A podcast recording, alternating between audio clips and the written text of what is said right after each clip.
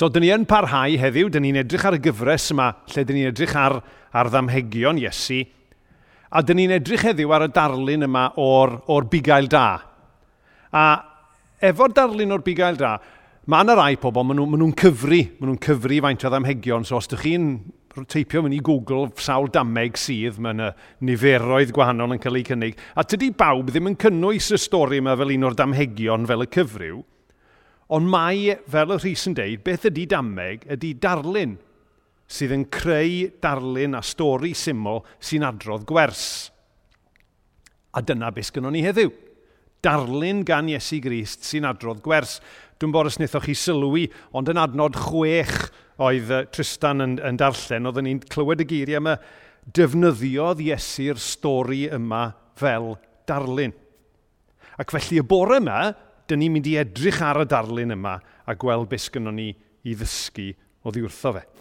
Nawr, yn amlwg, dyn ni'n ni, ni credu bod Dyw uh, a Iesu yn siarad gyda ni heddiw trwy ei air. Ond er mwyn deall y gair yna yn iawn, mae'n rhaid i ni ddeall beth oedd y neges ar y pryd. A fan hyn, fel ar un o'r adegau eraill o Tristan yn sôn amdano fe hefyd, mae Iesu yn siarad yn bennaf gyda'r pharisiaid ond nid am y tro cyntaf pan mae'n pregethu, mae'n siarad efo un set o bobl, ond mae'n ymwybodol iawn hefyd bod yna set o bobl, bod yna gynulleidfa arall yn gwrando. A dyna sy'n digwydd bore yma, Iesu'n siarad efo'r phariseaid, ond mae yna gynulleidfa yn gwrando, a dych chi a fi bore yma, ymhlith y gynulleidfa ehangach yna, yn gwrando ac yn dysgu heddiw. Nawr mae'r darlleniad cyfan nath Tristan ddarllen, diolch iddo fe, yn un hir iawn, a dyn ni ddim yn mynd i fynd trwyddo fe i gyd, ond yn fras, yn y darlleniad yna, mi welson ni bod Iesu yn cyflwyno'r darlun yma o fugail a praidd. Dwi e ddim yn ei esbonio fe, mae'n ei gyflwyno fe i ddechrau.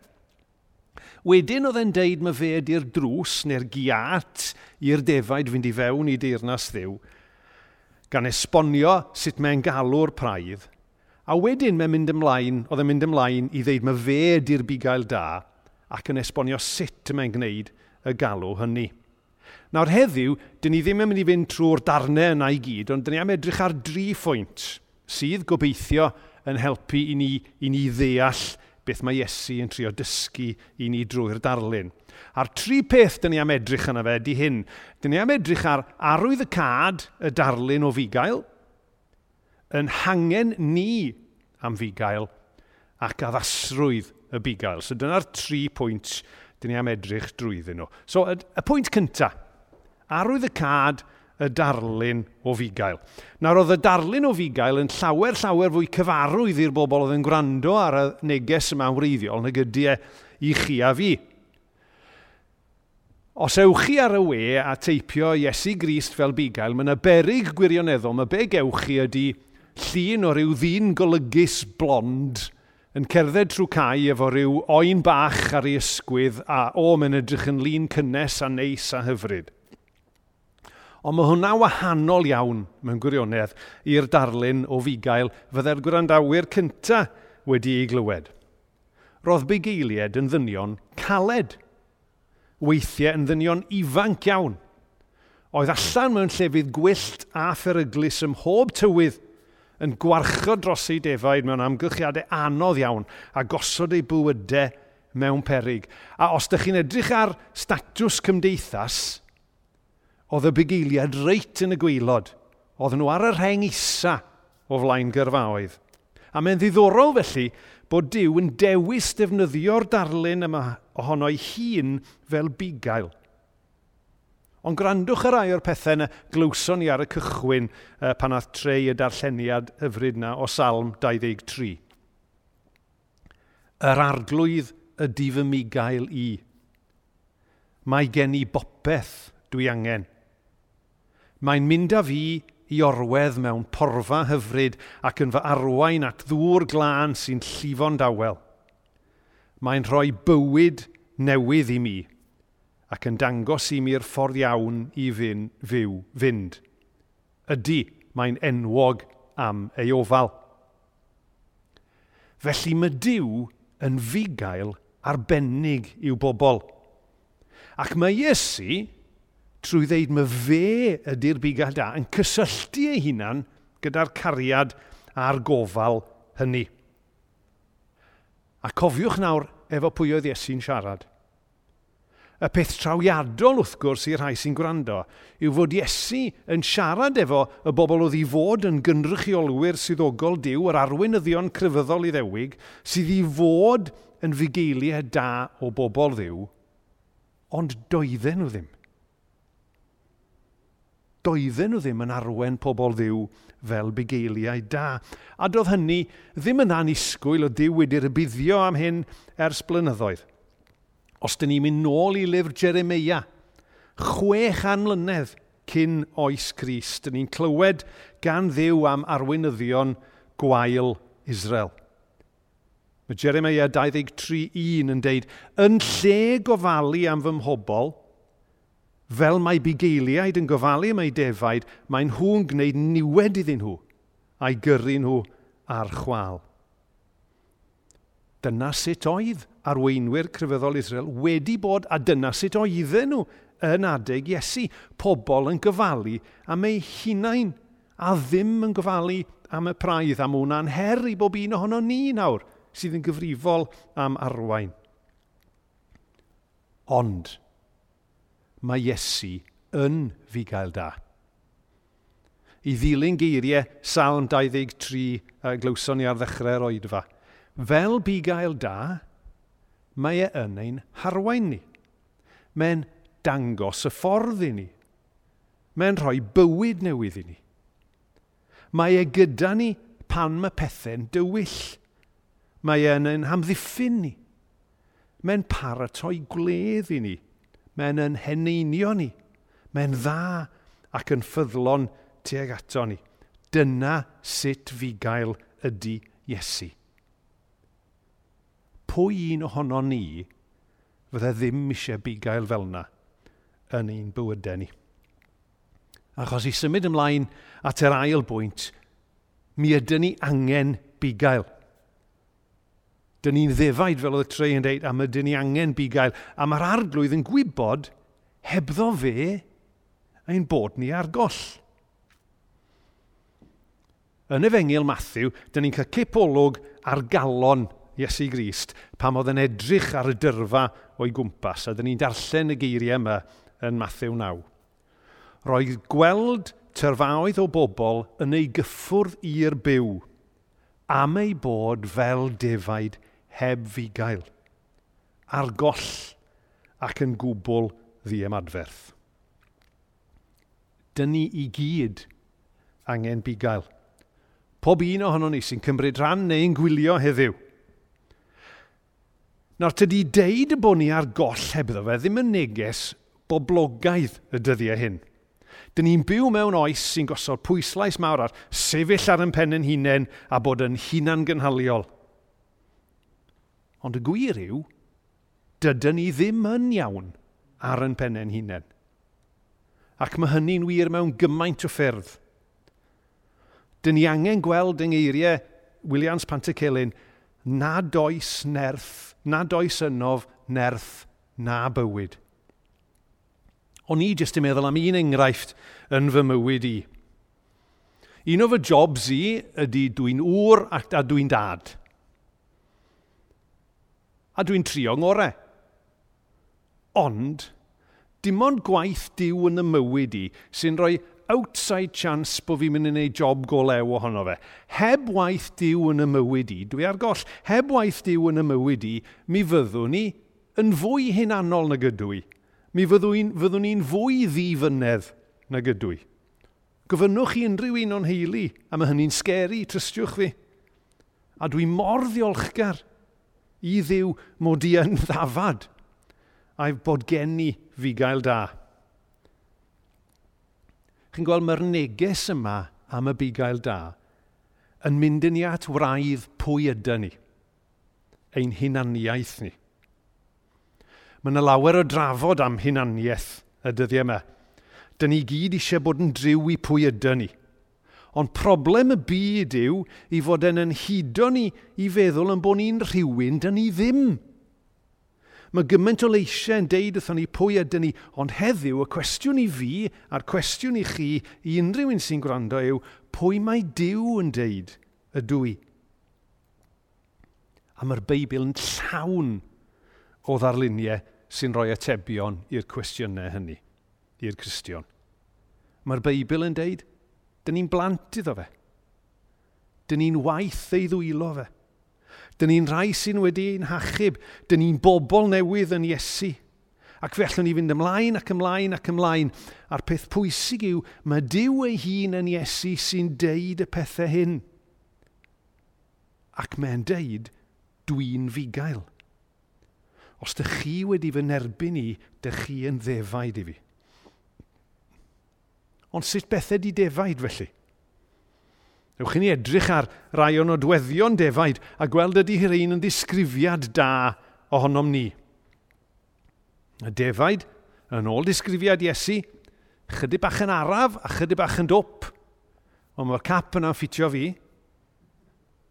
Maen nhw'n hawdd ei dychryn, ydw. Yn dieddol o fynd i drwbl ar yn pennau'n hunain, o ydw. Dwi'n gwybod bod hyn yn wir yn dana i chi'n gweld, mae dechrau taith ffydd yn dod pan dyn ni'n onest o flaen diw ac yn derbyn pwy ydyn ni a stopio trio bod yn rhywbeth neu'n rhywun arall. Wrth gwrs, un reswm dyn ni yn gwneud hynny, yn trio bod yn rhywbeth neu'n rhywun arall, yw bod ni ddim yn siŵr a fydd pobl yn yn hoffi ni, os dyn ni'n onest am bwy ydyn ni. Wel, y newyddion da, y newyddion gwych y bore yma, yw fod Iesu yn gweld pob dim amdano ni. A mae'n yn caru ni. A mae hynny'n gymaint fwy pwysig a gwerthfar nag os di rhywun yn hoffi ni neu beidio. Fel oedd Paul yn ei lythyr at yr ifeiniaid.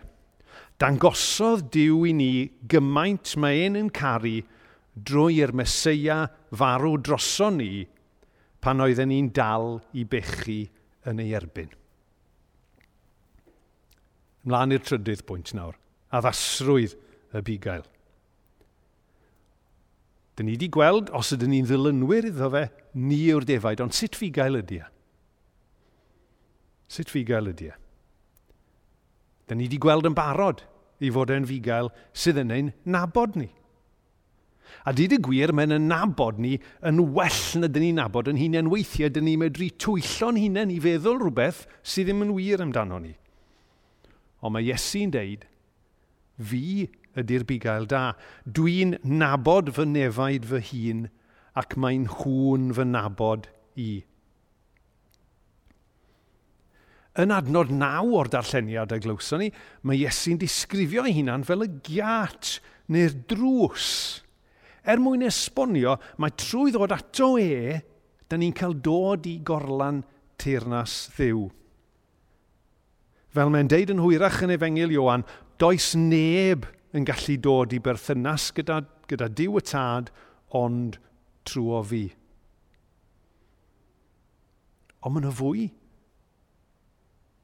Un o'r pethau oedd bugeiliaid amser Iesu yn gwneud oedd cysgu yn rŵs y gorlan i gadw'r defaid rhag y bleiddiad o tu allan.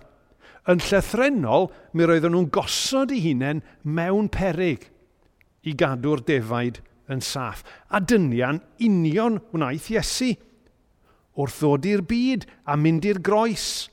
Gosod ei hun mewn perig er ein mwyn ni. Gadael diogelwch a gogoniant y nefoedd – i ddod i fyd creulon fyddai fel yr oedd e'n gwybod yn ei gysau e, yn ei groesoelio fe. Grandwch be mae Iesu hun yn deud am hyn. Fi ydy'r bugail da. Mae'r bugail da yn fodlon marw dros y defaid. Does neb yn cymryd fy mywyd o ddiarnau. Fi fy hun sy'n dewis roi fy mywyd yn wirfoddol. Mae'n fugail sy'n gofalu ac yn harwain. Da chi'n gwybod, mae geiriau braf gan bobl yn, yn hyfryd ac yn neis iawn ac yn medru bod o help. Ond yr hyn mae rhywun yn ei wneud sy'n dangos sut mae pethau go iawn. Dyna ni wedi sôn yn barod am aberth Iesu a'i ofal e drosto ni. Dyna sy'n dangos y gwerth mae Iesu yn rhoi arno ni nath treu grybwyll y peth uh, yn gynharach. Ydyn ni'n ame os dyn ni werthfawr bore yma? Os ydyn ni, edrychwch ar y groes. Edrychwch ar Iesu yn marw drosto ni. A mae hwnna'n deud pa mor werthfawr ydyn ni. A mae'r gofal yna yn parhau. Fe dawodd Iesu yr ysbryd lan i fod gyda'i bobl e. Gyda ni pan aeth e i'r nefoedd. Ac mae'n dal eisiau gweithio yn ein bywydau ni ac mae eisiau'n harwain ni a nerthu ni i fod yr hyn y dyliau ni fod yn ei lawe. Fel mae un o fy hoff adnodau yn y Beibl yn dweud, dwi'n hollol sicr y bydd Dyw sydd wedi dechrau gwneud pethau mor wych yn eich plith chi yn dal ati nes bydd wedi gorffen ei waith ar y diwrnod y bydd y Mesoea Iesu yn dod yn ôl. A'r gwirionedd rhyfeddol y bore yma yw bod yn lles ni, fel defaid, yn meddwl Iesu bob amser, bore yma. Mae'n lles ni ar feddwl Iesu heddiw. Os dyn ni'n credu bore yma, mae'n lles ni ar flaen ei feddwl e nawr. A fe sy'n gwybod be dyn ni angen. Mae e'n fugail sy'n arwain trwy ei lais. Mae geiriau Iesu yn ein atgoffa ni. Mae ei ddefaid ei hun yn nabod ei lais. Mae'n galw pob un o'i ddefaid wrth ei henwau ac yn ei harwain nhw allan – Ar ôl iddo fynd â nhw i gyd allan, mae'n cerdded o'i blaenau nhw. Ac mae ei ddefaid yn ei ddilyn am ei bod yn nabod ei lais. Felly mae Iesu'n gwybod pa ffordd y dyliau ni gerdded. Ac mae'n cerdded o'n blaenau ni er mwyn yn harwain ni. Mae darlun clir iawn yn y Beibl bod Iesu'n gwybod beth sydd ei angen arno ni a'i fod e eisiau'n harwen ni, a'i fod e'n gweithio yn ni drwy yn harwen ni. Fe glywson ni neges wych gan Mari rhai wythnosau nôl oedd yn, pwys, oedd yn dangos eto. Dydy hwnna ddim o reidrwydd yn golygu fod bywyd yn mynd i fod yn hawdd. Weithiau, dyn ni'n mynd drwy bethau anodd. Ond, oherwydd bod e'n fugail i ni, mae'n medru dod â bendith i bob sefyllfa fe mae Paul yn deud yn ei lythyr at yr efeiniad, dyn ni'n gwybod fod Dyw yn trefnu popeth er lles y rhai sy'n ei garu. Mae Iesu yn fugael sydd yn bwydo ac yn helpu i dyfu. Y salm 23 yn sôn yn doedd am arwain y defaid i borfa da. Porfa lle maen nhw'n medru bwydo a thyfu a cael y bywyd ar ei orau yma, y mae Iesu hun wedi sôn amdano fe. Mae Iesu eisiau i ni dyfu, ac mae'r tyfu yna'n digwydd wrth i ni ddod i'w nabod e'n well a'i garu e fwy. Mae peder, llythyr peder yn gwneud y pwynt yma yn dda iawn. Yn lle hynny, dwi am i chi brofi mwy a mwy o ffafr a haelioni ein harglwydd a'n achubwr Iesu Grist a dod i'w nabod e yn well. Mae Iesu yn yn harwen i at air diw, i ddysgu. Mae'n rybuddio ni rhag mynd i chwilio am borfa drwg, rhag gwrando ar leisiau'r byd sydd yn yn temptio ni i amau Iesu a'i ofal e amdano ni fel bugail da. chi'n gweld mae'r darlun yma o fugail yn ddisgrifiad hyfryd o Iesu. Achos dyn ni, fel defaid, angen bugail. A felly, dyn ni angen cydnabod yn hangen i amdano fe. Dyn ni angen gweld a deall ei fod e yn fugail da. Dyn ni angen gofyn iddo fe i ddod yn fugail arno ni. A dyn ni angen gofyn iddo barhau i'n bugeilio ni. Dewch i ni weddio.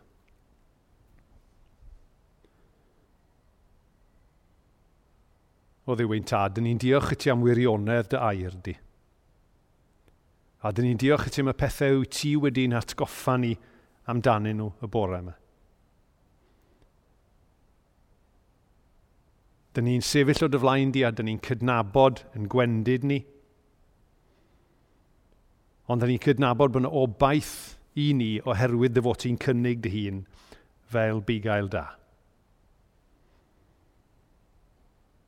Arglwydd mewn munud fyddwn ni clywed y geiriau fy ngwendid dwi'n cydnabod dibynnaf ar dawdurdod ath bwer di.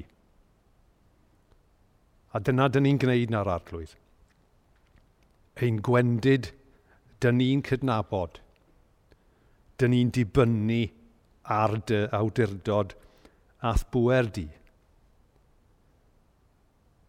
Felly esu y bore yma, dyn ni'n dy wahodd di. Dyn ni'n dy dderbyn di a dy gyhoeddi di yn fugail da.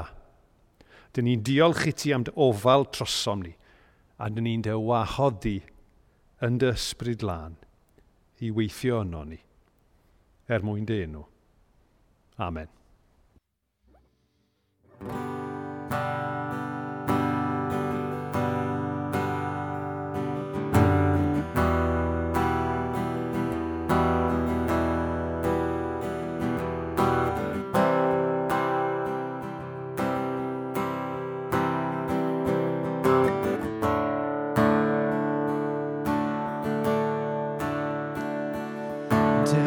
touch the ora spri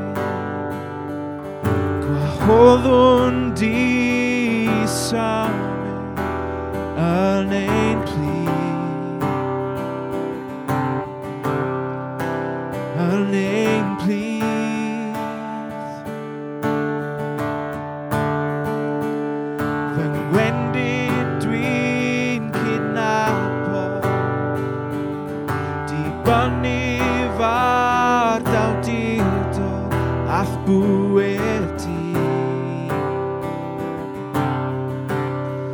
de puerti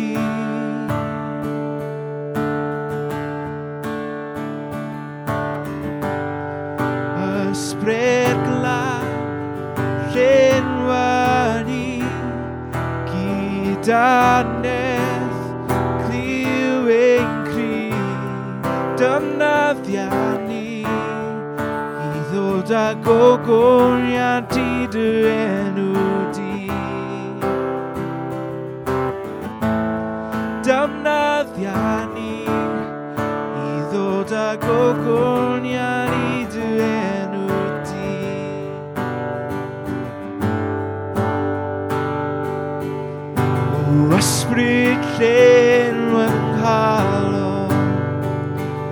Mae mywyd ar yr allor i ddilyn di I ddilyn di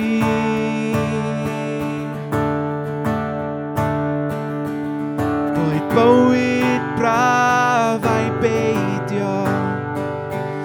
Fy mywyd drwy gwadio i'th bwrpas di. Dy bwrpas di.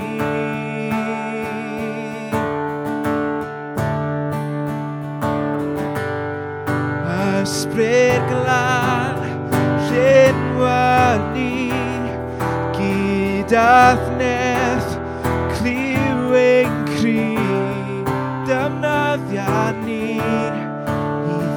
ac o gonian ti dy enw di.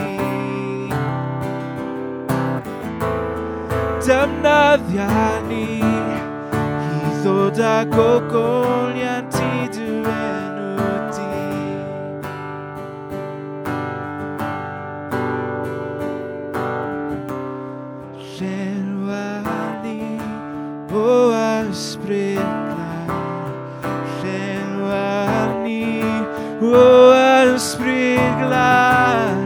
fyw ar ni. O ysbryd glad fyw ar ni. Ysbryd glad fyw ar ni. Gyd athneth cliw ein cri ni. I ddod â o